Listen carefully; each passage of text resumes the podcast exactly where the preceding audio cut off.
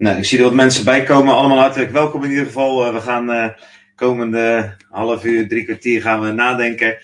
Um, mensen die misschien gisteren erbij waren, die hebben al een uh, eerste deel meegekregen. Um, wat ik aan het doen ben is vanuit Jezaja 52, waarin ik geloof dat God een aantal stappen liet zien. En vier jaar geleden begon God erover mij te spreken. En de afgelopen maanden kwam dat telkens terug. En ik denk eigenlijk nu, juist op dit moment, dat het super actueel is. Um, dus wat ik eigenlijk wil gaan doen is in de komende weken um, elke keer een deel van uh, Jesaja 52 beginnen. Dus elke dag om half twee dan uh, pak ik de volgende stap die het woord uh, daarin zet. als je gisteren niet erbij was, dan moedig ik je aan om die nog even terug te luisteren. ik hoorde wel dat het geluid niet altijd helemaal super was. Ook daar hebben we iets aan gedaan. Dus als het goed is, is het geluid vandaag weer een stuk beter. Dat hoop ik in ieder geval. Laat het anders gewoon even weten, want we blijven zoeken en verbeteren totdat het helemaal is en fijn is om naar te luisteren en fijn is om mee te maken. Um, het gaat dus over Jesaja 52 en in Jesaja 52 zie je een proces waarin uh, God spreekt tot Jeruzalem door, door Jesaja heen. En Jeruzalem is het beeld van de Nieuwe Testamentische gemeente. Ik heb dat gisteren ook kort toegelicht. Dus het is dan als je, nou ja, zegt, daar kan ik even niks mee. Luister dan even het eerste deel ook terug. Um, Jeruzalem het beeld van de Nieuw-Testamentische gemeente. En daarmee is Jeruzalem ook het beeld van jou, want jij bent onderdeel van die Nieuw-Testamentische gemeente. En uh, de gemeente is een optelsom van alle gelovigen bij elkaar. Dus wie wij zijn en wat wij dragen en hoe wij ons gedragen, dat bepaalt mede hoe de gemeente van God zichtbaar wordt in deze wereld. En ik denk dat God door Jezaja 52 en heen een aantal sleutels geeft, een aantal stappen laat zien waar we gewoon allemaal doorheen moeten om uiteindelijk een leven te gaan leven wat gerechtigheid en vreugde en kracht brengt in deze wereld. En vandaar dat ik die stap voor stap ga behandelen. Nou, gisteren hebben we het gehad over de eerste stap, dat is ontwaak, ontwaak. En zo begint Jezaja 52. Ik ga het straks ook even lezen. Maar Jezaja 52 begint met ontwaak, ontwaak. Word wakker, word wakker. Uh, God schudt je wakker. Hè? Dus, um, en dat gaat er dan over dat we wakker moeten worden. Dat we, uh, letterlijk staat er eigenlijk in de grondtekst van, doe je ogen open, ga anders kijken, ga zien. Um, en we hebben dat gisteren uitgebreid behandeld. Hoe uh, elke herleving begint met dat we anders gaan zien. Dat we vanuit het perspectief van de hemel gaan zien. Dat we wakker worden uit onze geestelijke slaap. En um, de tekst die je daarbij ook centraal uh, hebt gesteld is Efeze 5 vers 14. Waar staat, ontwaakt u die slaap, sta op uit de dood en Christus zal over u lichten. Let er dan op dat u nauwgezet wandelt niet als dwaze, maar als wijze en buiten geschikte tijd uit, omdat de dagen vol kwaad zijn. Wees niet onverstandig, maar begrijp wat de wil van de Heer is. Word niet dronken van de wijn, waarin losbandigheid is, maar wordt vervuld met de geest. Dat even over gisteren. Dus het herleven begint met ontwaken, met wakker worden. Je moet wakker worden uit je geestelijke slaap en je moet vanuit de hemel gaan zien welke tijd je leeft en wat je daarin moet doen. Die ogen zalf uit de openbaringen 3 en we moeten vervuld worden met de Heilige Geest. Nou, vandaag uh, gaan we verder. En um, we gaan verder lezen in Jesaja 52. En ik zal eerst Jesaja 52 voorlezen. Ontwaak, ontwaak. Bekleed u met kracht, Sion. Trek uw mooiste kleren aan, Jeruzalem, heilige stad. Want voortaan zal er in u geen onbesneden of onreine meer komen. Schud het stof van u af. Sta op, zet u neer, Jeruzalem. Maak de ketenen om uw hals los, gevangene dochter van Sion. Want zo zegt de Heer, voor niets ben je verkocht, u zult ook zonder geld worden verlost. Want zo zegt de Heer, de Heer, vroeger daalde mijn volk af naar Egypte om daar als een vreemdeling te verblijven en Assyrië heeft het zonder oorzaak verdrukt. En nu, wat staat mij hier te doen, zo spreekt de Heer. Want mijn volk is voor niets weggevoerd. Zijn overheersers doen het weeklagen, spreekt de Heer. En voortdurend heel de dag wordt mijn naam gelasterd. Herkenbaar hè, in de tijd waarin we leven. En daarom zal mijn volk mijn naam kennen. En daarom op die dag zal het weten dat ik het zelf ben die spreekt. Zie, hier ben ik. Gods naam, hier ben ik, ik ben. Hoe lieflijk zijn op de bergen de voeten van hem die het goede boodschap, die de vrede laat horen, die een goede boodschap brengt van het goede, die hij laat horen, die tegen Sion zegt, uw God is koning. Een stem. Uw wachters verheffen hun stem en tezamen juichen zij, want ze zullen het zien, oog in oog als de Heer terugkeert naar Sion. Breekt uit in gejubel, juicht tezamen, puinhopen van Jeruzalem, want de Heer heeft zijn volk getroost, hij heeft Jeruzalem verlost. Nou, als je profetisch naar dit hoofdstuk kijkt, dan gaat het dus inderdaad van het ontwaken uit de slaap of uit de doodslaap, zou je zelfs kunnen zeggen, als je die tekst beter bestudeert, naar een moment waarbij um, die ontwaakte bruid, waarbij Jeruzalem, waarbij de kerk van nu die ontwaakt, uh, ook uiteindelijk eindigt in een gejubel en een gejuich. En, en daartussendoor zie je hoe, die, uh, hoe, het, hoe er leven komt. Hè? Je, je leest van de voeten die het goede nieuws brengen, maar daarvoor gebeuren allerlei processen. Nou, gisteren hebben we het gehad over wakker worden. Wakker worden, ontwaken, ontwaken. En vandaag gaan we kijken naar de volgende stap. En het grappige is, dat is ook in het natuurlijke een stap die volgt op wakker worden. Want als je s ochtends dan uiteindelijk wakker geworden bent, en zoals ik gisteren ook zei, misschien met heel veel moeite uit je bed en uit je comfortzone bent gestapt, dan is het zo dat je eigenlijk, en ik, het altijd zo is, dat je jezelf aan gaat kleden. Ik wou eigenlijk een beetje een foute grap maken, maar laat ik dat maar niet doen vandaag. Maar het is wel duidelijk dat als we ons niet aankleden, dat we onbeschermd naar buiten gaan, um, dat dat een risico is. En dat als wij onbeschermd naar buiten gaan, dat daar, um, dat dat niet, niet goed is, ook niet voor je lichaam. Dus ik bedoel het niet eens grappig van dat je natuurlijk, als je in je naakje over straat gaat lopen, ongetwijfeld heel veel bekijk zou krijgen en heel veel commentaar en ongetwijfeld ergens in de gevangenis belandt. Maar ook het feit dat het gewoon heel koud is of dat jouw hele lichaam gewoon beschermd moet worden. Nou, dit principe vind je eigenlijk ook terug als we het vandaag hebben over aankleden.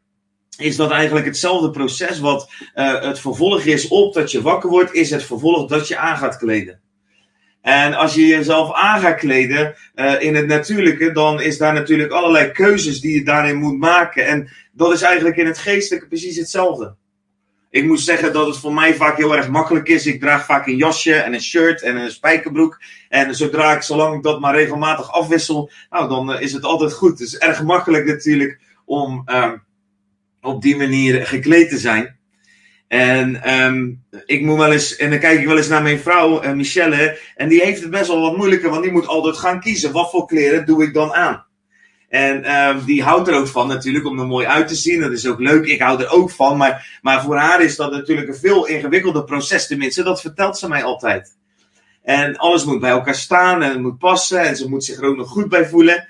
En, en dat vind ik eigenlijk prachtig. Want uh, als je je zorgvuldig kleedt, is eigenlijk een heel uh, mooi iets. Want dat betekent dat je je bewust bent van hoe je ook qua kleding overkomt op anderen. En hoe je ook qua kleding moet passen bij wie jij zelf bent. En al die principes vanuit het natuurlijke zijn eigenlijk zo ook geestelijk toepasselijk.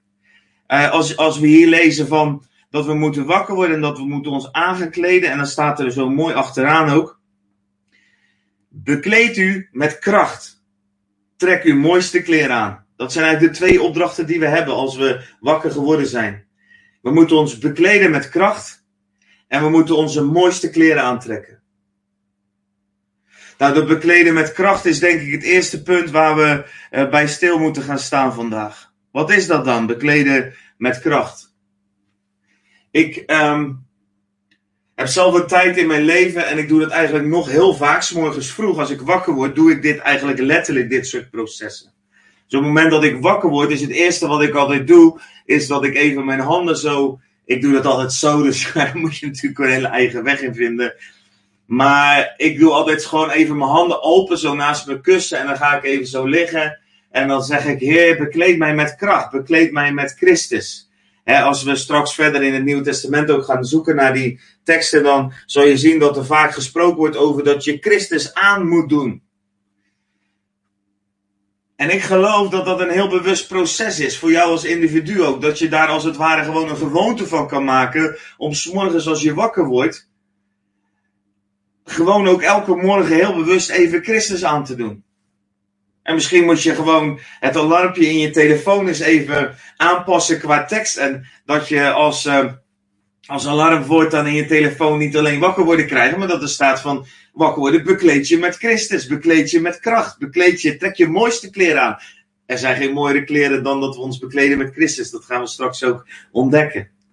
En ik moet je zeggen, als je s morgens vroeg zo'n heel bewust proces van aankleden doorgaat, nog voordat je letterlijk, uh, letterlijk aan gaat kleden in natuurlijke zin, maar dat proces van aankleden in geestelijke zin, wat hier ook bedoeld wordt, dan ben je al zo bewust bezig eigenlijk met wat de dag gaat brengen en hoe jij die dag in moet stappen. En dan ben je eigenlijk al zo bewust bezig met dat jij Jezus nodig hebt en dat je de kracht vanuit de hemel nodig hebt om die dag in de wereld te functioneren, dat je een hele andere manier aan je dag begint. En ik ben een ochtendmens, dus ik begrijp wel dat ik in dit soort dingen altijd erg makkelijk praten heb.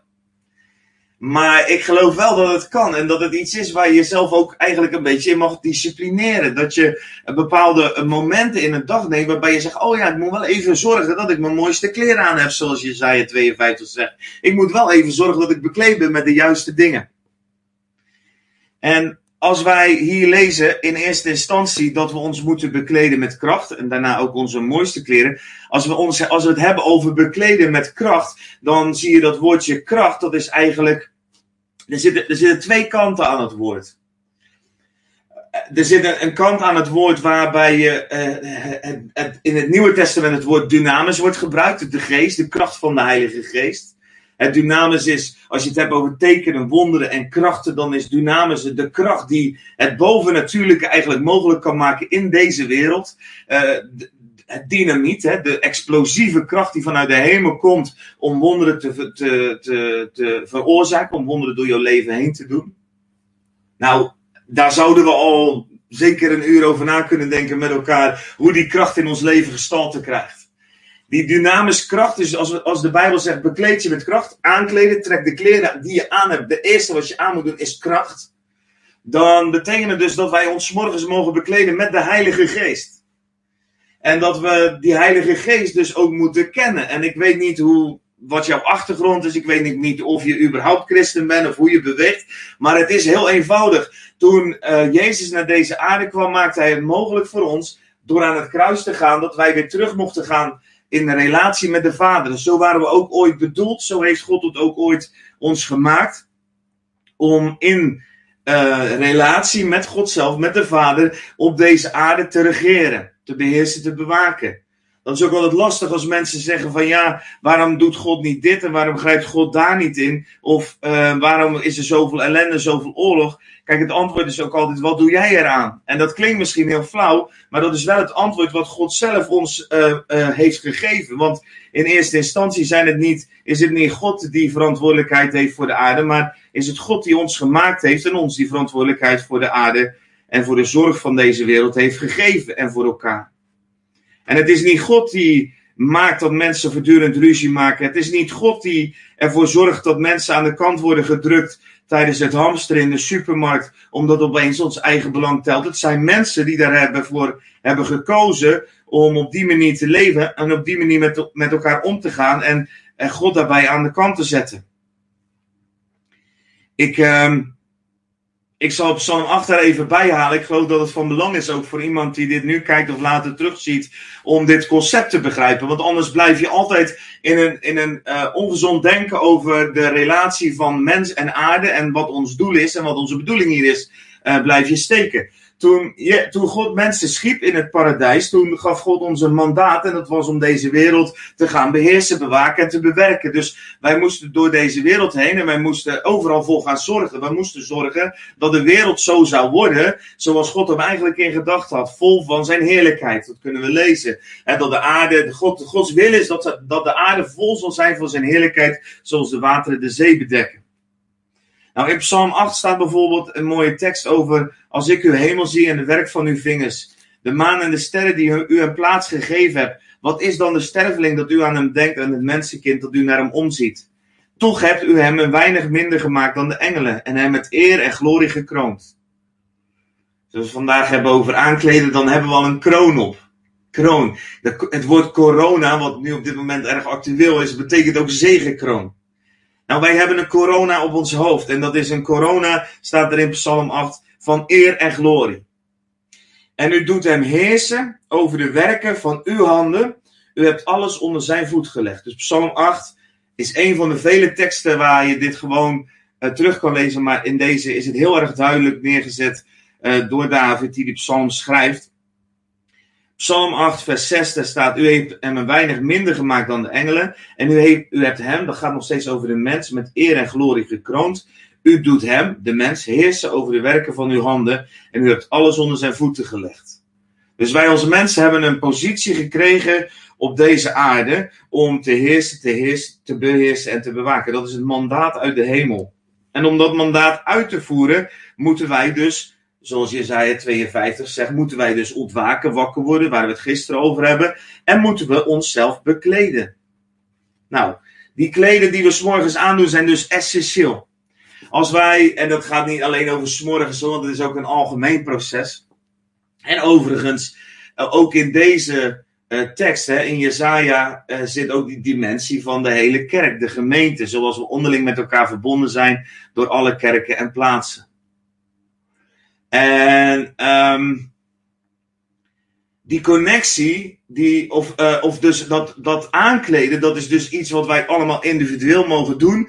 Maar wat als wij dat allemaal individueel gaan doen, dan zal ook de hele kerk bekleed worden met kracht. Dat is hoe de kerk is bedoeld. Als je in Handelingen 2 leest hoe de eerste christengemeente begint, en als je dan vervolgens Handelingen 3, Handelingen 4, Handelingen 5, Handelingen 6 en ga maar door. Als je leest wat daar gebeurt, dan is het een gemeente die niet zozeer georganiseerd is met allerlei uh, evenementen en shows en dingen. En ik hou ervan hoor, ik zegen het. Het is fijn als we met elkaar God aanbidden. Het is fijn als we op allerlei plaatsen mooie, krachtige bijeenkomsten hebben. Maar die kerk was voornamelijk uh, succesvol, zou je kunnen zeggen, doordat ze bekleed was met kracht. Handelingen 2, daar komt de Heilige Geest. En op het moment dat de Heilige Geest komt, dan gebeuren er dingen die voorheen niet gebeurden. Dus als de Bijbel zegt dat wij ons moeten bekleden met kracht, met dynamis, met die kracht vanuit de hemel, dan gaat het allereerst om dat wij leren leven vanuit de relatie met de Heilige Geest. En om dat mandaat wat God ons geeft te kunnen doen. Dus we moeten bekleed worden met kracht, dan moeten we dus leven vanuit de Heilige Geest.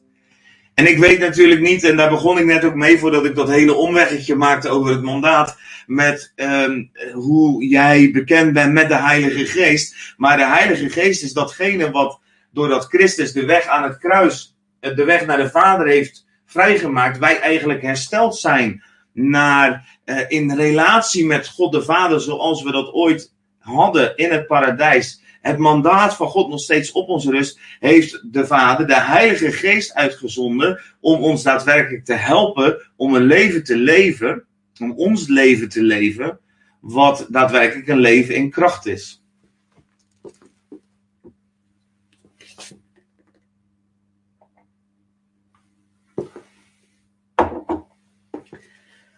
Als je zo'n leven probeert te leven zonder de Heilige Geest, dat kan niet. Dat is volstrekt onmogelijk. Je kan goede dingen doen. Dat kan zonder discussie. Iedereen kan goede dingen doen. En er zijn mensen die zijn ontzettend uh, overtuigd uh, uh, voor, voor heel prachtige doelen bezig. Voor het schonen maken van de wereld of voor armoede. En die doen goede dingen. Maar als je een leven wil leven wat revival brengt, hè, een leven wat leven doorgeeft, als je in Isaiah 52 leven wil geven, waarbij uiteindelijk jouw hele omgeving en de hele kerk en, en het hele land tot bloei kan komen door de keuzes die jij maakt, dan heb je de Heilige Geest nodig. Dat kan niet anders. En daarvoor moet je dus een intieme relatie ontwikkelen met die Heilige Geest.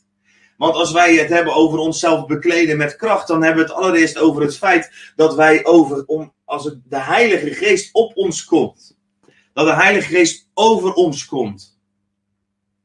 En als de Heilige Geest over ons komt en in ons komt wonen, dat zijn eigenlijk twee verschillende dingen, maar dat is voor nu ik kom dan altijd wel in de verleiding om daar verder op in te gaan. Maar voor nu is dat uitgebreid. Maar de Heilige Geest, als wij bekleed worden met de Heilige Geest uit de hemel, dan gebeurt er eigenlijk hetzelfde als wat bij Jezus gebeurde. En, en dan kan je mooi lezen in Lucas 4, en ik zal dat er even bij pakken. Wat daar dan gebeurde op het moment dat Jezus gedoopt werd en de Heilige Geest neerkwam uit de hemel. Toen eh, vond er iets plaats wat zelfs het leven van Jezus op een hele andere manier vorm gaf. Lucas 4.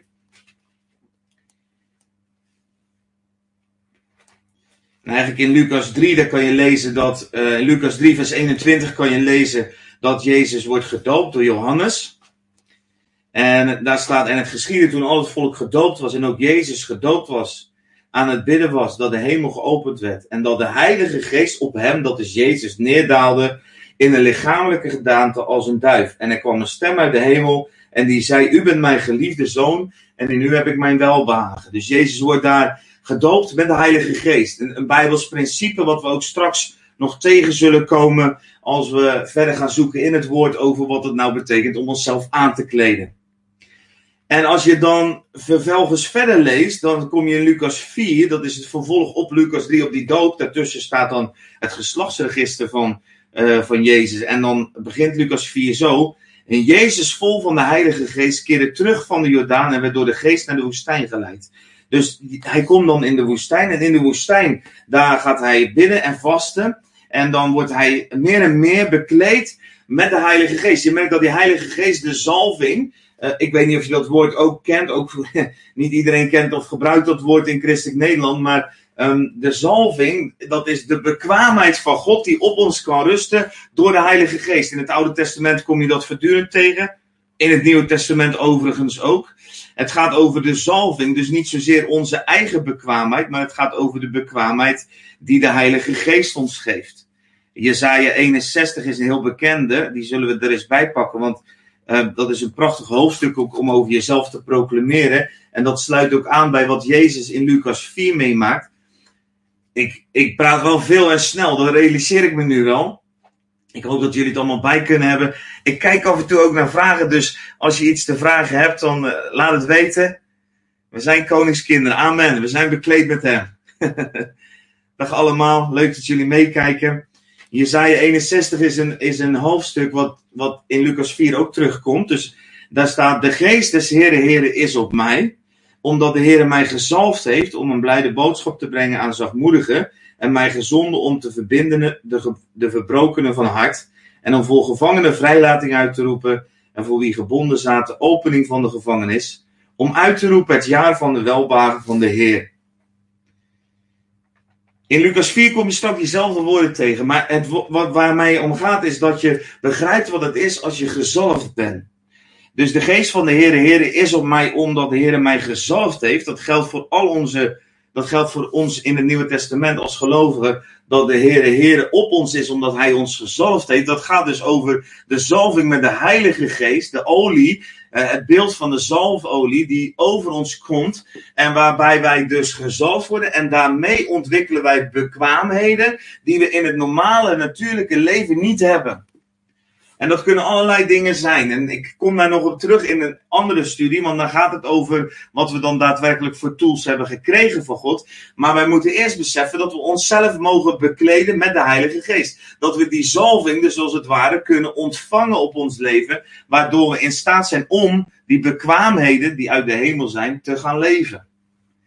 En dat betekent dus dat we dingen kunnen gaan doen die we in het natuurlijke nooit zouden kunnen doen. Dat betekent dat we gezalfd worden, dus bekwaam gemaakt worden door God. Door, om dingen te zien die we met het natuurlijke ogen nooit zouden kunnen zien. Om dingen door onze handen heen te laten stromen die we in het natuurlijke nooit door onze handen heen zouden kunnen laten stromen. En dat is hoe God wil werken. Hij wil zijn koninkrijk bouwen. Als je kijkt in het Nieuwe Testament, Jezus heeft het altijd over het koninkrijk. Uh, sterker nog, ik las gisteren liet iemand mij een boekje zien, even kort inkijken. En die hebben een aantal dingen gedaan. En die hebben de onderwerpen waar Jezus over sprak, hebben ze eigenlijk op een rij gezet. En het meest besproken onderwerp door Jezus is het koninkrijk. Nou, dan ga ik toch heel even terug, want ik denk dat het belangrijk is naar waar ik het net over had. Over dat mandaat wat wij hebben over de aarde. Hè, dat wij mogen regeren, bewaken en beheersen. En dat dat mandaat eigenlijk in het Nieuwe Testament dat is eigenlijk het koninkrijk. Het koninkrijk wat Jezus wil vestigen op deze aarde is eigenlijk dat zijn kracht en zijn wil zichtbaar wordt in het dagelijks leven. Dat wij op aarde gaan doen, en dit zal je herkennen, wat in de hemels is gewild. Dit zal je herkennen omdat dat het gebed is wat Jezus ons leert. Onze Vader die in de hemel is, uw naam worden geheiligd, uw koninkrijk komen. En dat wil zeggen dat uw wil op aarde geschiet, zoals in de hemel. Dus uw wil geschieden op aarde zoals in de hemel. Het koninkrijk van God betekent dat dat wat God wil op aarde zichtbaar wordt. Ergens anders staat in Romeinen 14 van het koninkrijk van God is niet eten en drinken. Het gaat niet altijd over de fysieke omstandigheden, maar vreugde en vrede en gerechtigheid. Gerechtigheid, dat is weer die wil van God. Dus wij mogen bewegen in het koninkrijk van God en daarvoor moeten wij ons aankleden. Dus even terug naar Lucas 4, waar we dan zien dat Jezus, de, de, Heilige Geest, op hem gedaald is. Hij is bekleed met de Heilige Geest. En dan vervolgens gaat hij in de woestijn. Nou, dat is een proces wat in je leven ook kan gebeuren. Wat denk ik ook heel vaak zal gebeuren. Het moment dat wij wakker worden, op het moment dat wij ons gaan bekleden, dan zul je zien dat het ook bepaalde effect heeft. Dat komt ook in de komende series terug. En dan kan je door de woestijn heen gaan. Dan kan je verzocht worden. De, de duivel verzoekt Jezus dan ook. En door dat proces heen, en toen, dan staat er in Lucas 4, vers 14 eh, dit. En dat is heel belangrijk. En toen keerde Jezus door de kracht van de Heilige Geest terug naar Galilea. En het gerucht over hem verspreidde zich door heel de omgeving. Hij gaf onderwijs in een synagoge en werd door allen geprezen.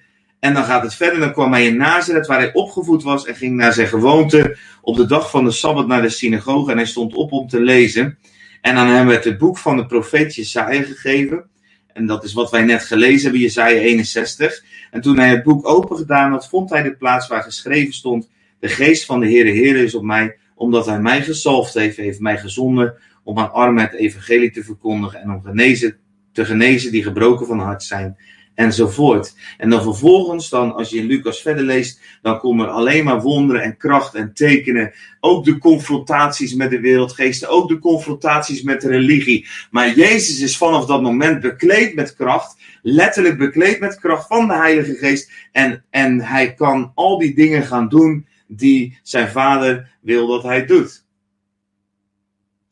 het is misschien een heel verhaal even zo door de Bijbel heen. Maar als ik het dan nu even samen mag vatten met jou. Als wij het hebben over wakker worden. Dan betekent het dat wij dus wakker moeten worden voor wat God wil doen. En dat we vanuit hemels perspectief moeten leren kijken. Als we het hebben over bekleden met kracht. Dan moeten we het gaan hebben over het feit dat wij moeten leven in en vanuit en door de kracht van de Heilige Geest. Die mogelijk maakt door zijn zalving dat wij de dingen doen die we anders niet eens zouden kunnen doen.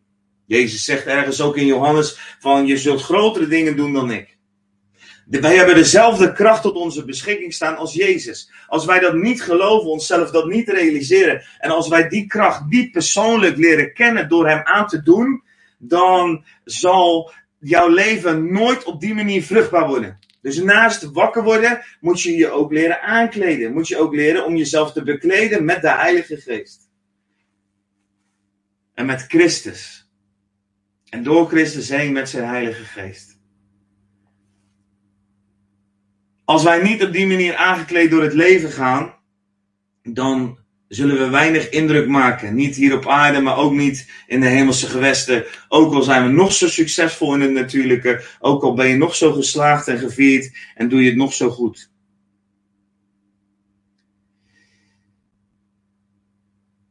Handelingen 2 zegt zo mooi, Petrus antwoordde hen en bekeert, eh, antwoordde hen. Dat was overigens de vraag die daaraan vooraf gaat, is wat moeten wij doen, man en broers, om zalig te worden?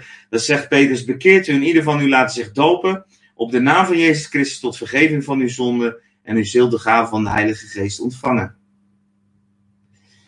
Romeinen 15 is ook erg mooi, dat de God nu van hoop u vervullen met louter vrede en vreugde in uw geloof om overvloedig te zijn in de hoop door de kracht van de Heilige Geest.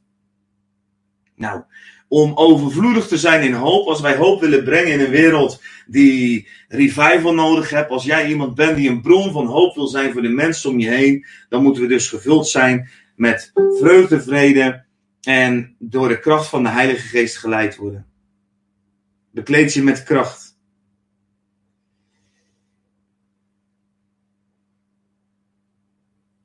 In Colossense 3 staat een heel mooi stuk wat eigenlijk zo ook refereert aan Jesaja 52, wat het betekent om bekleed te zijn met kracht. En om bekleed te worden met kracht, um, moet je soms ook dingen uitdoen. Ik denk dat dat ook heel belangrijk is. Je kan niet twee dingen tegelijk dragen over elkaar. Dat staat niet altijd even mooi.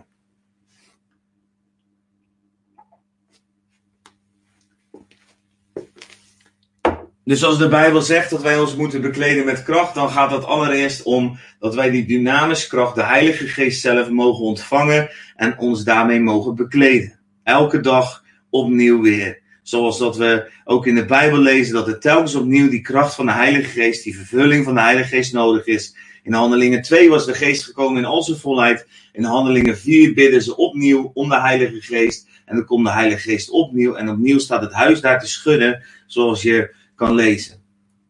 Overigens, dat is denk ik ook wel een profetisch woord. Als je in Handelingen 4 leest dat het huis gaat schudden op het moment dat de Heilige Geest in je leven komt, dan kan ik eh, door ervaring en door alles wat ik gezien heb en ook op grond van het woord zeggen dat dat in jouw leven waarschijnlijk niet veel anders gaat. Hoe meer er van de Heilige Geest in ons leven komt, hoe meer ons huis, ons levenshuis gaat schudden. Ik zal een klein stukje voorlezen uit Handelingen 4, want het is een prachtige gebeurtenis waarbij mensen uh, het uitschreeuwen naar God. En als jij als eerste vraag vandaag al aan mij zou willen stellen van joh, hoe werkt dat dan, dat aankleden met de Heilige Geest? Nou, luister wat ze doen om bekleed te worden met de Heilige Geest. Ze worden vervolgd, ze zitten in een hoek gedrukt, handelingen 4. En wat doen ze? Ze gaan met elkaar bidden. En ze bidden dit eensgezind, hieven ze zijn hun stem tot God en ze zeiden, Heer, u bent de God die de hemel en de aarde en de zee gemaakt heeft en alle dingen die erin zijn. En dan gaan ze allemaal dingen opnoemen, doordat ze daarmee herinneren ze God aan zijn belofte.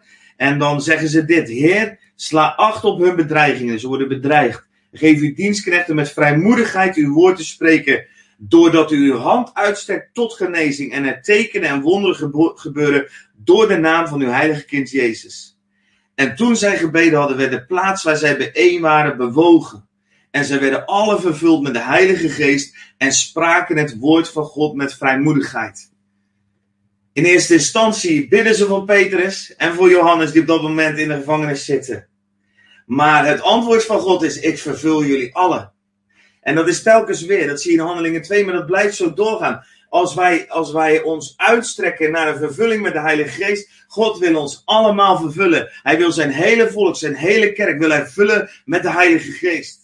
En misschien ken je de Heilige Geest al heel goed. Misschien ken je hem nog niet zo goed. Maar je, je mag je gewoon en hem, naar hem uitstrekken. Hij is niet afhankelijk van tijd of plaats of of je het op de juiste manier vraagt. Hij is, de Heilige Geest wordt gegeven aan ieder die gelooft in Jezus. Maar je moet hem met hem leren kennen. Net als dat je een relatie moet ontwikkelen met, met, met God zelf. Maar ook met de Heilige Geest. Hij is een persoon met een karakter en een eigenheid. Hij is heilig bijvoorbeeld, hè? Zo, dat is zijn voornaam. Hij is Heilige Geest. Dat betekent dus ook dat als hij in jouw levenshuis komt, dat jouw levenshuis gaat schudden. En dat betekent dus ook dat jij op het moment dat je hem uitnodigt in je huis ervoor klaar moet zijn om daadwerkelijk zo te gaan leven als dat jij zal moeten gaan leven op het moment dat jij dat dus wil om jezelf te bekleden met de Heilige Geest. Het is niet zonder consequenties. Toen de Heilige Geest in mijn leven kwam, stond mijn leven letterlijk echt op zijn kop. Toen de Heilige Geest in mijn leven kwam, toen bij ons wat gebeurde dat met zoveel kracht en met zoveel energie, dat wij soms ja, uren lagen te huilen. De Heilige Geest, wat de Heilige Geest bijvoorbeeld bij mij deed. En dat zijn de dingen die er gaan gebeuren in jouw leven als jij je wil aankleden. Als je je wil bekleden met kracht. Wat de Heilige Geest bij mij deed bijvoorbeeld, was dat hij gewoon, als ik met hem was, dus ik, ik, ik nodigde hem heel eenvoudig uit. Ik ging op de bank leggen en dan zei ik, lieve Heilige Geest, kom. Ik heb gelezen in uw woord dat u dezelfde bent. En dat u ons gegeven bent om te leven in kracht en om te leven vanuit de hemel en ik wil u graag ontvangen. Wat is er nodig voor mijn leven? En dan was ik stil en dan wachtte ik totdat de Heilige Geest kwam. En heel vaak nam de Heilige Geest mij dan terug mee naar situaties in mijn verleden waar dingen gebeurd waren. Kijk, als, je jou, als jij je gaat aankleden met kracht en daarna staat er dan ook trek je mooiste kleren aan, dan gaat de Heilige Geest allereerst een proces aan, wat een proces is van heiliging en reiniging in jouw leven. En wat de Heilige Geest bij mij ging doen, is een proces van waarbij ik eh, met, door hem mee teruggenomen werd, waarbij er situaties waren waar ik bijvoorbeeld schuld had en dat ik vergeving moest vragen aan mensen. En dat zijn lastige dingen. Maar we hebben het hier over revival mentaliteit. We hebben het over hoe kunnen we onszelf zo uh, voorbereiden dat wij daarmee ook de weg voorbereiden voor die kracht van God in deze wereld. Hoe kunnen we als kerk, hoe kunnen we als individu, hoe kunnen we ons voorbereiden op de kracht van God? Nou, dat betekent dus dat als wij die klederen aan gaan doen, als wij onszelf willen bekleden met kracht, dan betekent het dat die kracht heeft bepaalde voorwaarden. En ik noem hem al even, zijn voornaam is alleen al is heilig. Dus die heiligheid van God die in ons leven komt, die doet iets met ons en daar zullen we in mee moeten bewegen om die heiligheid plaats te geven. En natuurlijk is er genade. Natuurlijk is het zo dat, dat, dat Jezus aan het kruis alles heeft volbracht. Maar we moeten leren op die genade pleiten. En we zullen ook moeten leren om ons hart en om ons leven vrij te maken van de zaken die soms nog in ons leven spelen. En onvergevingsgezindheid is een absolute blokkade voor het werk van de Heilige Geest in ons leven. Ik ga daar nu niet heel uitgebreid op in, maar ga maar lezen de gelijkenis waarbij die, bij die rechter is, die, um, de, uh, waarbij die ene man uh, naar de rechter toe gaat en hem bij wijze van spreken 100.000 euro uh, aan, aan schuld heeft en die wordt hem kwijtgescholden. En dan loopt hij naar buiten toe en dan pakt hij zijn medeslaaf pakt hij bij zijn nek en die, en die, en die eist die, die paar euro die hem schuldig is af. En dan in dat verhaal staat dan dat die rechter die wordt boos en die laat diegene um, opsluiten. En dan staat er, je zal gefolterd worden. En het klinkt heel ruig. En ik begrijp dat echt dat het ruig klinkt. Maar het is wel wat er in het woord staat. Totdat je je schuld voldaan zal hebben. We kunnen niet aan de ene kant voor ons eigen leven het kruis accepteren. Als we dat kruis niet willen toepassen in de levens van anderen. We kunnen niet de kracht van het kruis in ons leven accepteren als we de kracht van het kruis niet willen toepassen in levens van anderen. En ik heb het inderdaad niet over kleine dingen. Want ik moest mensen vergeven die mij misbruikt hadden. Ik moest mensen vergeven die heftige dingen met mij gedaan hebben. En de Heilige Geest leidde mij daarin. Het was niet alleen vergeving, het was ook bitterheid en teleurstelling. En al die wortels die in mijn leven aan het woekeren waren gegaan. En hij, hij begon gewoon mijn arrogantie weg te slopen. Ik was een arrogante kwast voordat ik Jezus leerde kennen. Ik was alleen maar met mezelf bezig en met mijn eigen succes. En, en de Heilige Geest begon dat uit te graven, die wortels en uit te rukken. Uit mijn leven. Als we ons gaan aankleden, als we ons gaan bekleden met kracht, is dat niet per se een prettig proces. Het is het proces waardoor je in de woestijn komt. Het is een proces waardoor jouw huis gaat schudden. Mijn huis ging soms letterlijk schudden. Sommige mensen hebben moeite met manifestaties. Uh, maar ik zal je vertellen, als de kracht van de Heilige Geest, als de hemel zelf in jou komt, ja, dan, dan moet dat soms een uitweg.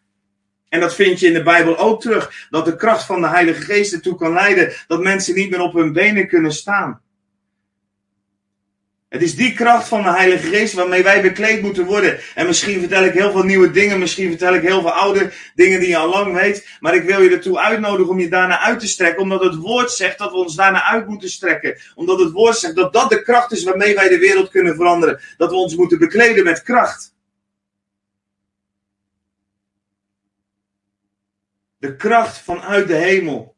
Niet met woorden, maar met kracht, zegt Paulus ook ergens ben ik bij u gekomen. Het koninkrijk van God bestaat niet uit woorden, maar bestaat uit kracht. Wij moeten ons, onze woorden worden wel gebruikt, zijn een middel, net als dat onze handen middel zijn, onze voeten middel zijn, onze Facebookpagina een middel, zijn allemaal middelen, maar dat wat daarin komt, dat moet kracht hebben. En die kracht die komt alleen maar vanuit de zalving van de Heilige Geest waarmee wij bekleed zijn, zodat die kracht, dat het niet alleen een leeg woorden zijn, dat het niet alleen onze lege handen zijn, maar dat in die handen, in die woorden de kracht is vanuit de hemel die maakt dat dingen veranderen, dat jouw woorden, jouw daden zoveel kracht hebben, dat ze daadwerkelijk levens veranderen ten goede. Als we ons gaan bekleden met kracht, dan geven we een uitnodiging aan de Heilige Geest om in ons leven opruiming te doen. Het zijn mooie kleren die je aantrekt. Je mooiste kleren staat er zelfs in Jezaja 52. Maar om zo mooi te worden moeten we vaak een hoop uitdoen. Je zou kunnen zeggen, als we in die vergelijking blijven met dat we eerst wakker moeten worden, dan moeten opstaan, dan zouden we ook onder de douche moeten. En onder die douche moet er van alles gebeuren. Ik kijk even naar Colossense 3 en ik kijk ook even naar de tijd, want ik weet niet hoe lang ik al aan het praten ben, maar dat gaat altijd enorm hard. Het woord van God is ook zo ontzettend rijk en interessant. En en, en, en levengevend, zodat je daar soms enorm in kan verdwalen. Ehm, ik ga naar Colossense 3. En in Colossense 3 staat dan dit: Dood dan uw leden die op de aarde zijn: ontucht, onreinheid, hartstocht, begeerte en hebzucht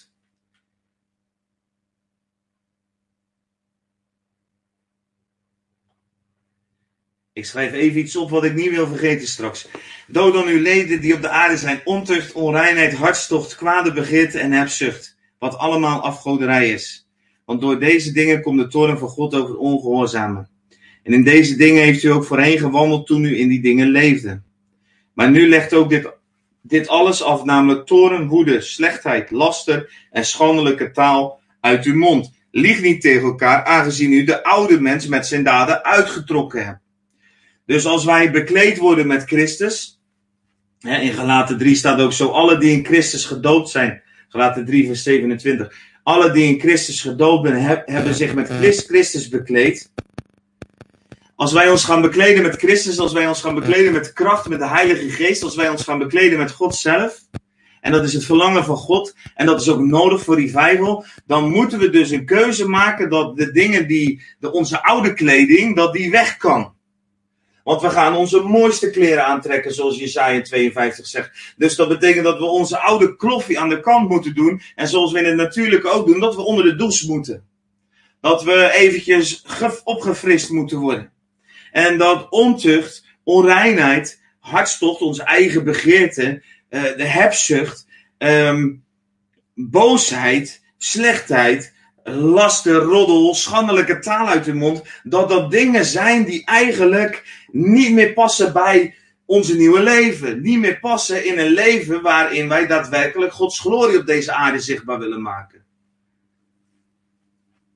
En het, het, is iets waar wij actief moeten doen. God geeft genade, God geeft zijn kracht, God geeft de Heilige Geest om te zorgen dat deze dingen uit ons leven weggaan. Maar wij moeten daar zelf actief in worden. En het enige wat we eigenlijk ten diepste maar hoeven te doen, is voortdurend die Heilige Geest uitnodigen. Uh, hem tijd geven, hem uitnodigen in onze levens. Gewoon in onze woonkamer, in onze auto. Om vervolgens door hem in een proces gebracht te worden dat ons huis gaat schudden. Dat we onder die douche komen, dat al dat oude gaat verdwijnen. Leg af Toren, woede, slechtheid, laster en schandelijke taal uit uw mond. En lieg niet tegen elkaar, aangezien u de oude mens met zijn daden uitgetrokken hebben. Als we revival willen gaan leven, als we op weg willen naar revival, dan moeten we opstaan, wakker worden moeten we, wakker worden. Allereerst moeten onze ogen geopend worden voor wat God wil en hoe God op deze aarde ons wil gebruiken. Daarna moeten we ons aankleden. Maar aankleden gaat niet voordat we onze oude kleren uitgedaan hebben. Wat Colossense 3 ook zo mooi zegt. Colossense 3, vers 9. Aangezien u de oude mens met zijn daden uitgetrokken hebt. En toen dacht ik net dit, en dat wil ik met jullie delen, want het is zo belangrijk. Want wat is nou het probleem met die oude kleren? Die, die oude kleren zitten vaak zo comfortabel. Ik weet niet hoe dat bij jullie is, maar uh, ik vind het altijd heel erg jammer om kleren weg te moeten gooien. Want ja, ik, dit jasje, oh, ik, vind, ik moet wennen aan kleding. En als ik dan eenmaal aan gewend ben, dan wil ik het niet zomaar meer wegdoen. Dan, dan ben ik eraan gehecht geraakt. En met onze oude kleding, wat Colossense 3, vers uh, 10 hier zegt, uh, vers 9, Colossense 3, vers 9 hier zegt. Met die oude kleding is het probleem, dat hebben we zo lang gedragen, daar zijn we zo aan gewend geraakt, dat is zo in ons leven uh, een plaats gekregen, dat op het moment dat wij onze nieuwe kleding aan gaan doen, op het moment dat wij ons gaan bekleden met kracht, uh, dat, we, ja, dat dat een heel proces is wat losgemaakt wordt. En toen moest ik even denken, dat wilde ik delen, uh, aan het proces in mijn eigen leven. Want wat is nou het punt? Het is niet alleen dat wij dingen moeten doen en dat wij vergeving uit moeten spreken en dat wij bitterheid afstand moeten nemen. Dat moet ook allemaal. Hè, waar ik net over had. Maar toen liet de Heilige Geest me net zien, terwijl ik dat met jullie deelde, dat hij in mijn leven eigenlijk een proces is begonnen wat vooral um, positief was. Dus het ging niet zozeer over wat ik niet mocht doen, maar hij ging, mij, hij ging het volgende met mij doen. En ik geloof dat hij dat ook met jou wil doen als jij je daarna uit gaat strekken. De Heilige Geest die ging, kijk, laat ik, ik begin even. Toen wij, we zijn bedoeld als perfecte mensen. God, de schepping was volmaakt. Er was in het paradijs geen narigheid. Er, er, er, was geen ellende. Er was niets kapot. Er waren geen vaders en moeders die faalden. Er waren geen open oma's die het verkeerd deden. Alles was volmaakt. Zo zijn wij bedoeld. Gods bedoeling is nooit veranderd. Gods werken zijn, die zijn staan vast. God, God heeft zijn plan met de mensen nooit veranderd. Ik heb het daar eerder ook al even over gehad op Psalm 8. Gods bedoeling was dus dat wij een volmaakt leven zouden hebben. Dat betekent dus dat alles wat niet volmaakt is, dat heeft ons beschadigd alles wat niet volmaakt is, heeft schade aangebracht in ons leven. ik, ik, als je mij vaker hoort spreken, dan benoem ik dit wel vaker, omdat dat super essentieel is om te begrijpen hoe je tot herstel komt. Want de oude mens uittrekken is niet een kwestie van, oh, dat doe ik niet meer en ik ga me disciplineren. Kijk, dat, dat is ook goed als je vecht tegen dingen dat het, de, de, de, het woord zegt ook, je hebt tot bloedens toen nog geen weerstand geboden tegen de zonde. Dus soms is het goed om te vechten tegen de zonde, maar vechten tegen de zonde, dat is het vechten van de goede strijd is niet zozeer het knokken tegen iets, maar het is het richten op iets wat jou kan helpen om daarvan af te komen. Als je vecht tegen de zonde, ben je eigenlijk alsnog met die zonde bezig. En dat wat je aandacht geeft, dat groeit. Maar je moet niet vechten met de zonde. Je moet eigenlijk jezelf focussen op Jezus en op zijn volbrachte werk. En meer en meer intiem worden met hem. Want wat gaat er dan gebeuren? In mijn leven ging dat zo. En ik geloof dat God dat in jouw leven ook wil doen. Of op zijn eigen manier dat met jou wil doen. Wat maakt dat het in jouw leven uh, uh, helemaal uh, toepasbaar is. Dus wat bij jou past. Want ieder mens is verschillend. Maar de Heilige Geest ging dit bij mij doen. Hij ging met mij meenemen naar de dingen die in mijn leven onvolmaakt waren geweest. En dan zeg, dat waren er heel veel. Maar de Heilige Geest is, is heel aandachtsvol. Hij heeft oog voor details in ons leven. En hij ging met mij mee naar dingen die soms zelfs al voordat ik verwekt was, uh, voordat ik geboren was, in de, in de tijd dat ik in de buik van mijn moeder zat, waren er al dingen. De Heilige Geest liet mij die zien. Ik zag ze letterlijk als een soort YouTube-filmpjes. En ja, misschien vind je dit heel vreemd. Maar als je dit vreemd vindt, dan ken je de Heilige Geest nog niet. Want die doet wel vreemdere dingen dan jou een YouTube-filmpje in je geest te laten zien. En als die dat mag tenminste bij je, als hij tenminste jouw hele leven uh, mag overnemen. De, iemand, ik voel gewoon die vraag hè, van ja, de Heilige Geest doet vreemde dingen. Maar als je het leven van Jezus bekijkt, Jezus deed de meest vreemde dingen om mensen te genezen. Spuugde op de grond enzovoort, de rare dingen. Uh, de, de, de, de Bijbel zegt ook dat Jezus niets deed wat hij de Vader niet zag doen. Dat betekent dat Jezus een voortdurend geactiveerde geest had waarin hij dingen zag. Misschien niet zoals het natuurlijke oog, maar zoals we er gisteren over gehad hebben. Als wij ogenzalf gebruiken, als we wakker worden, dan gaan we kijken met geestelijke ogen. En dan zien we dus dingen die we in het natuurlijke niet zien. De Heilige Geest liet mij de dingen zien in mijn leven die soms pijn gedaan hadden. En dat waren in eerste instantie heftige dingen. En wat er toen gebeurde is dat hij daarin kwam met zijn troost. En ik ga nu niet spreken over troost, maar je moet Jezaja 40 maar eens lezen over troost. Over wat troost doet in jouw leven en hoe dat de vlaktes, uh, hoe dat maakt dat de wegen recht worden. Dat de bergen verdwijnen, dat de dalen omhoog komen en dat er een vlakke weg in je leven ontstaat. Dat is, heeft hier alles mee te maken. Dus het uitdoen van de nieuwe mensen, het afleggen van die slechtheid, die lasten, die woede en die schandelijke taal uit je mond, is veel meer een proces met de Heilige Geest waarin genezing en heling plaatsvindt en waar hij komt, de trooster, de parakletos, want zo heet de Heilige Geest, om jou te troosten in alles wat jou is aangedaan. Want al deze dingen van het oude vlees komen eigenlijk voort uit uh, pijn en uit moeite. Heel veel van deze dingen. Heel veel van deze dingen zijn, als, als, wij, als wij ontucht doen, dan is er dus iets in ons leven niet bevredigd. Als wij roddelen, dan is er dus iets in ons leven wat vraagt om bevestiging, waardoor we een ander gaan vernederen om onszelf omhoog te helpen en om onszelf beter te vinden. Als wij last hebben van drift en van woede, dan zijn er triggers in onze ziel die niet genezen zijn door de Heilige Geest. Dus als we het hebben over het afleggen van het oude, voordat we die kracht aan kunnen doen, en dat is een proces wat gelukkig tegelijkertijd gaat, want je zou eigenlijk kunnen zeggen, doordat we het nieuwe aan gaan doen, doordat we het nieuwe uitnodigen en, en ons gaan bekleden met dat nieuwe dan moet dat oude gewoon wel wijken. Want hoe meer er van Gods aanwezigheid, hoe meer er van de, van de geest in ons leven komt, hoe minder er over kan blijven. De Heilige Geest is heel nauw gezet. Want ik, ben, ik, ik maak vaak fouten nog steeds in mijn leven. Ik ben geen volmaakt mens, totaal niet. En, en ik, ben wel eens een keer hier of daar snel geïrriteerd, bijvoorbeeld in het verkeer. En dan altijd neemt de Heilige Geest. Wat ik geleerd heb is dit. Als ik dat doe, dan, dan zet ik daarna, dan hoor ik zijn stem al. En dan weet ik al, oh, oh foute boel. En hij spreekt mij er gewoon op aan. En dat is oké, want ik ken hem en ik hou van hem. En dan zet ik de auto vaak langs de kant na zoiets. Of in welke situatie dat dan ook is. Want het kan ook zijn in de omgang met je kinderen. Dat je even geen geduld hebt. Of dat je eens bront. Of dat je eens een keer snauwt. Als je moe bent. We zijn allemaal mensen. We zijn allemaal uh, gewoon falende heiligen. Volmaakt in hem, maar zo onvolmaakt in onszelf. Maar daar gaat het proces juist over. Als wij ons gaan bekleden. Als wij ons aan gaan kleden. Als wij onze mooiste kleren aan gaan doen dan gaat het er dus over dat we leren om zo met de Heilige Geest te leven. En dan zet ik mijn auto langs de kant. En dan, als ik daar dan zit, dan zeg ik: Oké, Heilige Geest, ik begrijp dat ik net niet goed reageerde. Wilt u mij laten zien waarom ik zo reageerde? En dan, dan gaat de Heilige Geest nog steeds altijd terug naar nieuwe situaties waar ik nog troost en waar ik nog heling in mag ontvangen. Want vaak is er angst in mijn leven gekomen doordat je uh, een, een ervaring hebt, doordat je bijna een ongeluk krijgt. Of uh, als het drift is, is er vaak onveiligheid om uh, omdat je in situaties bent geweest waarin je bedrijf voelde. Het zijn gewoon dingen die in ons volmaakten. Het leven wat volmaakt had moeten zijn, wat onvolmaakt is geraakt. En, en dan hoor ik je eigenlijk als het ware zeggen: Ja, goh, je bent wel, het is wel een beetje.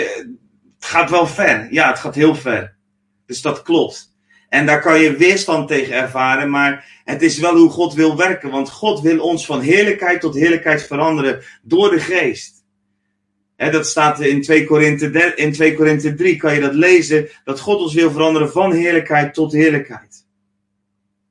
Dus dat gaat heel ver. God wil dat we steeds mooier worden, dat we steeds meer gelijk worden aan zijn beeld. En dat we steeds meer veranderd worden van heerlijkheid tot heerlijkheid, eh, totdat wij op hem lijken en hij zichtbaar wordt door ons heen. Onze mooiste kleren aandoen, onszelf bekleden. Dat is dus wat we mogen doen. Nou, ik, ik realiseer me dat ik alweer heel lang sta te praten. Dus ik ga op zoek naar een einde ook voor wat ik met jullie wilde delen. Maar um, het is denk ik een enorm essentieel iets. Kijk, als we niet wakker worden, dan gaan we niet verlangen om aangekleed te worden. Maar als we onszelf niet gaan bekleden met Christus, dan gaan we net zo goed niet leven in kracht, zoals we dat uiteindelijk in Jesaja 53 ook terug gaan vinden.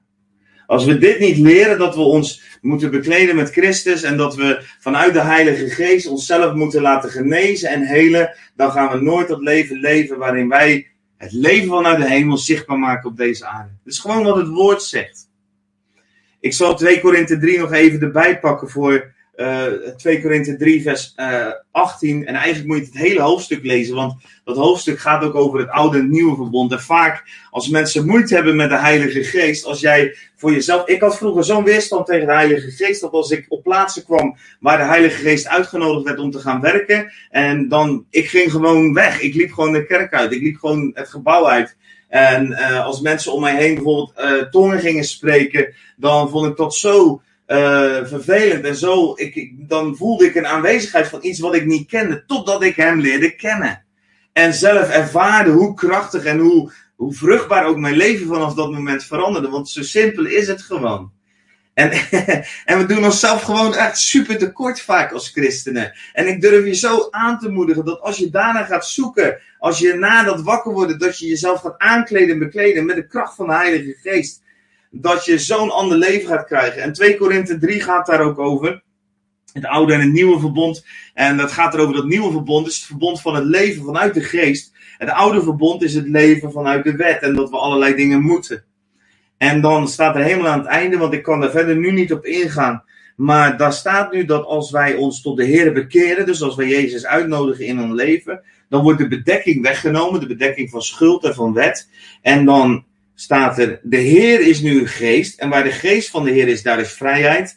Die tekst gaat niet alleen over dat je eens een keertje mag dansen in de kerk of een vlaggetje mag zwaaien. Want dat zijn allemaal bijzaken met alle respect, want het kunnen hele belangrijke dingen zijn. Maar hey, dit is niet de essentie van die tekst. Die tekst gaat niet over lol hebben in je kerk of dat je alleen maar in een bepaalde liturgie zit. Daar gaat die niet over. Deze tekst gaat erover dat er een vrijheid is gekomen uh, door het kruis door die bedekking die weggenomen is, de bedekking van de wet, waardoor wij als het als in vrijheid kunnen naderen tot Christus, zodat wij gewoon in onze woonkamer de Heilige Geest uit kunnen nodigen. En als wij dan met dat onbedekte gezicht in vrijheid de heerlijkheid van de Heer als in een spiegel aanschouwen, dan worden wij van gedaante veranderd naar hetzelfde beeld van heerlijkheid tot heerlijkheid, zoals dit door de geest van de Heer bewerkt wordt. Dat zijn je mooiste kleren. Dat zijn de mooiste kleren die we tegenkomen in Jesaja 52 bekleed je met kracht. Trek je mooiste kleren aan. Dat zijn de mooiste kleren. Dat wij van heerlijkheid tot heerlijkheid worden veranderd. Dat is wat het woord belooft. En dat is wat de Heilige Geest ons wil geven. Dit wil de Heilige Geest bewerken. En als wij hem niet de ruimte geven. Als wij daar niet naar doorjagen. Als wij ons daar niet mee bezighouden. Dan eigenlijk bedroeven wij de Heilige Geest. Dan houden we hem af. Dan zeggen we: Oké, ik wil wel een klein beetje nieuwe kleren aan. Maar niet te veel. Weet je wat? Ik doe mijn oude plofje. Hou ik lekker aan. Ik doe even een mooie glimmende stropdas erbij. Of een strik in mijn haar zodat het wel wat lijkt. En mensen die oppervlakkig kijken, sowieso om zich heen, denken: Nou, die heeft inderdaad wel een strikje in zijn haar. Dat ziet er al wel heel goed uit. Maar ik zeg je vandaag: de Heilige Geest wil veel verder gaan. Bij mij. Bij mij is er nog zoveel te winnen. Er is nog zoveel waarin ik niet op Christus lijk. Maar dat is niet de wil van God. Nee, ook ik mag me meer aankleden. Ik mag meer wakker worden. Ik mag me meer aan gaan kleden. Met de Heilige Geest. Met die kracht vanuit de hemel. Zodat we veranderen naar hetzelfde beeld. Van heerlijkheid tot heerlijkheid. Door de Geest door de geest. Het is tijd om aan te kleden. We moeten wakker worden en moeten ons aan gaan kleden. We moeten ons als kerk, als gemeente, we moeten ons als christenen, moeten we eh, ons aan kleden en onszelf de mooiste kleren aantrekken die we maar kunnen verzinnen. En dat is de heerlijkheid van God zelf. Dat is Gods aanwezigheid in ons leven. En dan moeten we al die oude dingen afleggen. Of sterker gezegd, hoe meer jij je richt op de nieuwe dingen, hoe meer dat die oude dingen in je leven zullen verdwijnen, want die hebben helemaal geen kans meer, helemaal geen plek meer over in jouw leven.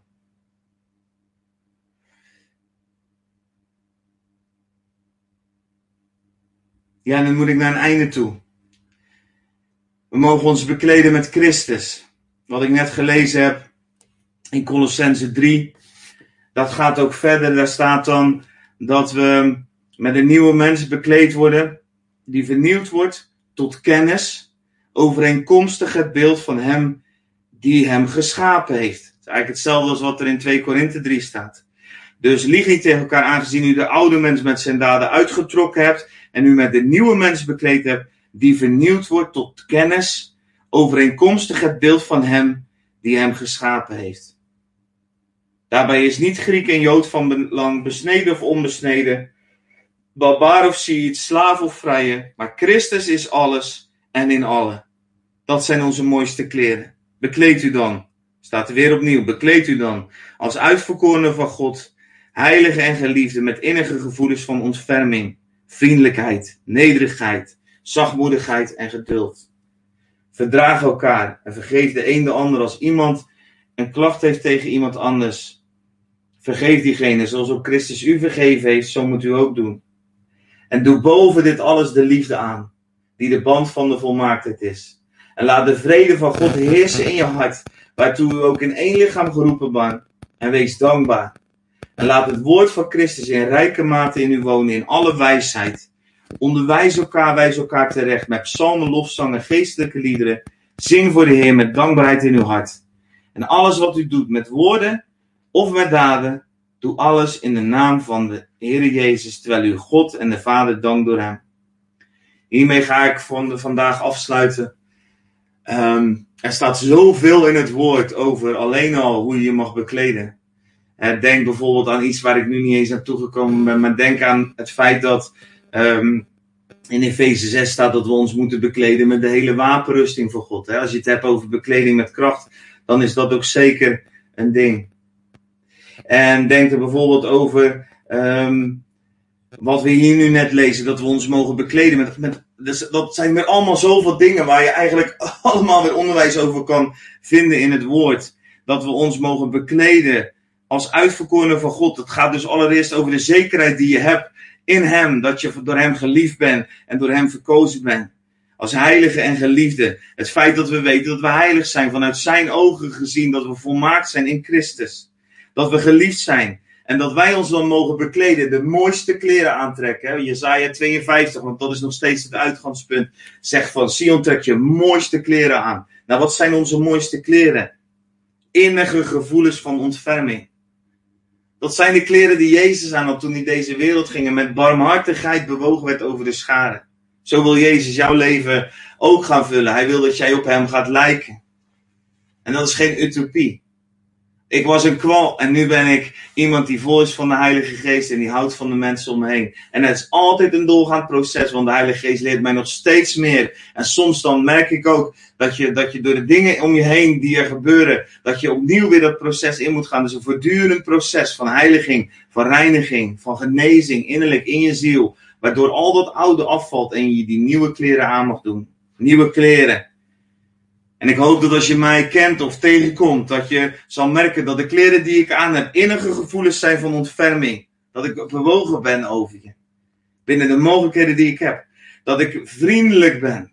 Vriendelijkheid staat hier gewoon, dus een kenmerk. Als wij als christenen mensen tegenkomen, ook al, al zijn ze in jouw ogen nog zo, hoe je het ook maar wil noemen, slecht of doen ze de dingen niet goed, uh, dan moet je er al over nadenken waarom je dat denkt. Maar al, al zijn ze nog zo, ze kennen jou als een vriendelijk mens. Dat zijn de kleren die wij aan moeten hebben. Innerlijke ontferming, vriendelijkheid, nederigheid. Hoe nederig ben jij? Durf je de minste te zijn? Of ben je altijd nog op zoek naar erkenning en wil je graag gezien worden? En is het zo belangrijk dat mensen weten wie jij bent en dat ze je naam kennen? Ik zeg je vandaag, dat zijn niet de kleren van Jezus. Dat zijn je oude kleren. En de Heilige Geest wil jou leren waarom je nog zulke kleren aan wil. Want als wij daadwerkelijk beseffen wat, wat God ook tegen Jezus zegt. En in Jezus ook tegen jou zegt. Dat jij zijn geliefde zoon of zijn dochter bent waar hij vreugde in vindt. Dan hoeven wij ons helemaal niet bezig te houden met dat wij belangrijk zijn en invloed hebben enzovoort. Nee, dan mogen we ons kleden met nederigheid. Met zachtmoedigheid. Met geduld. De vrucht van de geest ten volle zichtbaar in ons om ons heen. En mensen die ons tegenkomen gaan ons herkennen. Die zeggen dat zijn echt bijzondere mensen. Want dat zijn mensen die zijn helemaal niet voor zichzelf bezig. Dat zijn mensen die leven. Die zijn altijd vreugdevol. Zelfs al, al staat de wereld in brand en schudt corona de, de, de fundamenten van deze aarde. Dan mogen wij gewoon nog even zo goed mooie kleren aan hebben. Ik heb mooie kleren aan. In het natuurlijke mag je er wat van vinden, maar in het geestelijke hoop ik dat als jij mij ontmoet, dat je zal zien dat ik me gekleed heb met vriendelijkheid, met geduld, met nederigheid, met barmhartigheid, met zachtmoedigheid. Zo'n mooi woord, zachtmoedig. Dat jouw gemoed zacht is voor die ander en dat, je, dat, dat die ander ingang kan hebben met zijn verdriet en zijn pijn en dat je daar de glorie en de liefde van God in kwijt kan. Verdraag elkaar, vergeef elkaar. En als iemand tegen iets anders iets heeft, Vergeef elkaar zoals Christus u vergeven heeft, zo moet u ook, doen. En ik ga echt stoppen. Dit is de laatste zin die ik uit ga spreken vanuit het woord van God. En laat de vrede van God heersen in uw harten. Waartoe u ook in één lichaam geroepen bent en wees dankbaar. En doe boven dit alles de liefde aan die de band van de volmaaktheid is. Dus die mooie kleren, er zit een prachtige gordel omheen en dat is de liefde. De band van volmaaktheid. In 1 Korinthe 13 kan je lezen hoe die liefde eruit ziet.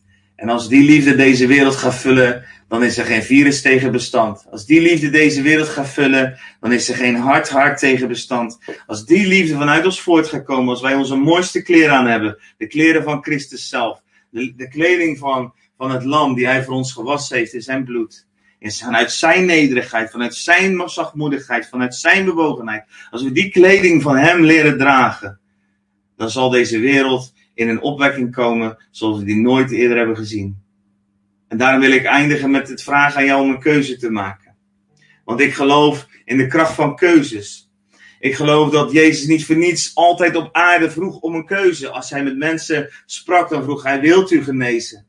Of hij zei: Volg mij. Je moest kiezen. Je moest kleur bekennen. En ik wil je vandaag vragen of je die keuze wil maken. Of de Heilige Geest jou mag bekleden met zijn kracht. Of jij iemand wil zijn die wil bekleed zijn met Christus. En als jij daar ja op zegt, dan wil ik je vragen of je je hand op je hart wil leggen als een symbool dat jouw hart daarvoor beschikbaar is voor God. En dan ga ik daarom bidden dat de Heilige Geest met kracht in je leven zal komen. Vader, dank u wel voor uw Heilige Geest. Vader, dank u wel dat wij keuzes mogen maken. Dat die keuzes vanuit de hemel worden bekrachtigd. Vader, dat waar wij een keuze maken, u iets in gang zet. Eigenlijk wij door onze keuze de hemel in beweging zetten. En vader, dank u wel als we ons hand op ons hart hebben, dat wij mogen bidden dat uw wil zal geschieden in ons leven. Vader, dat wij mogen bidden dat uw wil zal geschieden op aarde zoals in de hemel. Vader, dat we mogen bidden dat uw koninkrijk komt in ons leven. En vader, als we zo voor uw troon staan en we, en, en, en, en we zeggen ja. We zeggen ja tegen de Heilige Geest. We zeggen ja tegen die kleren. De mooiste kleren die nodig zijn om revival te zijn en revival te brengen. Vader, dan willen we gewoon dat uitspreken. En als jij thuis dat met mij wilt doen, zeg gewoon ja. Ja, Heer. Ja, Heer. Ik ga me aankleden. Ja, Heer. U mag mij bekleden. Ja, Heer, ik ga mijn oude kleren uitdoen. Ik ga mijn nieuwe kleren aandoen. Want ik wil een leven leven wat leven brengt. Heilige Geest, als we voor uw troon staan, dan willen we u uitnodigen, al gelijk op dit moment, in de naam van Jezus, om ons te vullen met uw kracht en uw glorie. Vader, dank u wel dat u nieuwe dingen in ons leven gaat doen. Dat u nieuwe gevoelens gaat opwekken. Vader, ik bid zelfs voor een fysieke aanraking. Zoals ik die op dit moment ook waarneem. En ik bid voor jou thuis dat God je fysiek aan zou raken vanaf dit moment. En dat je met hem dingen gaat doen. En ik zet dromen, visioenen. Ik zet ze vrij over je leven. Die zo nodig zijn om inzicht te krijgen in deze wereld. Inzicht te krijgen in de tijd waarin we leven. Inzicht te krijgen om antwoorden te geven vanuit de hemel die nodig zijn. En Vader, dank u wel dat u deze mensen die de keuze gaat maken, gaat bekleden met hun mooiste kleren. Kleren waarbij ze van zichzelf verbaasd zullen staan. En dat ze zullen leren om meer en meer beelddragers te zijn van uw koninkrijk en van, u, van uzelf. Vader, dank u wel voor uw Heilige Geest. En willen beleiden dat we zonder uw Heilige Geest niets kunnen doen. En daarom strekken we ons uit naar meer van u in ons leven. Doorstroom ons, doorwaai ons. Dank u wel dat uw woord zegt dat als we de Vader vragen om een brood, hij ons nooit een steen zal geven. En als we vragen om, om een eitje, dat hij ons nooit een schorpioen zal geven. En dat er dan achter staat dat, dat u, Jezus, dit zei over de Heilige Geest. Vader, wij vragen u om de Heilige Geest. We vragen u niet om een andere geest. We vragen u zelfs niet om kracht op zichzelf. Maar we vragen om die persoon achter de kracht, die die kracht in ons leven kan ontwikkelen, vanuit zijn hart. Niet vanuit onszelf. En Vader, we stellen deze vraag vrijmoedig, omdat uw woord ons daartoe oproept. En we stellen deze vraag in Jezus' naam. Amen. Amen. Heel veel zegen, lieve mensen. Ik uh, vond het fijn om uh, dit met jullie te mogen delen. En je zal merken dat. Um, ja, ik, ik heb dan het gevoel dat ik heel veel nog niet heb kunnen delen. Maar dat komt uh, zeker op een bepaald moment weer voorbij. Ehm, morgen ben ik er weer om half twee. En dan gaan we kijken hoe het verder gaat in Jezaja 52 met de volgende stap. Voor nu, ga bezig met de dingen die God losmaakt in je leven. Ook door deze woorden heen. Um, ik heb al zulke mooie reacties gehad ook op wat ik gisteren gebracht heb. Je kunt mij altijd even appen via Facebook, even een berichtje sturen. Of op welke manier je me anders ook kan bereiken. Je bent van harte welkom met je vragen. En God houdt ontzettend veel van je. God verlangt naar zijn volk wat gaat wandelen in glorie. En daar heeft hij alles voor gedaan. En hij vraagt aan jou om daar stappen voor te doen. Wakker worden en aankleden. En morgen gaan we verder.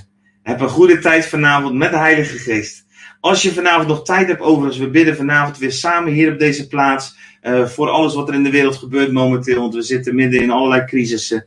Uh, ja, niet vanuit de hemel gezien, maar vanuit de aarde gezien. Want de hemel juicht over wat er in deze crisis mogelijk gaat worden uh, in het koninkrijk. Dus sta op, word wakker. En um, ik ga je morgen weer zien om half twee. Dankjewel.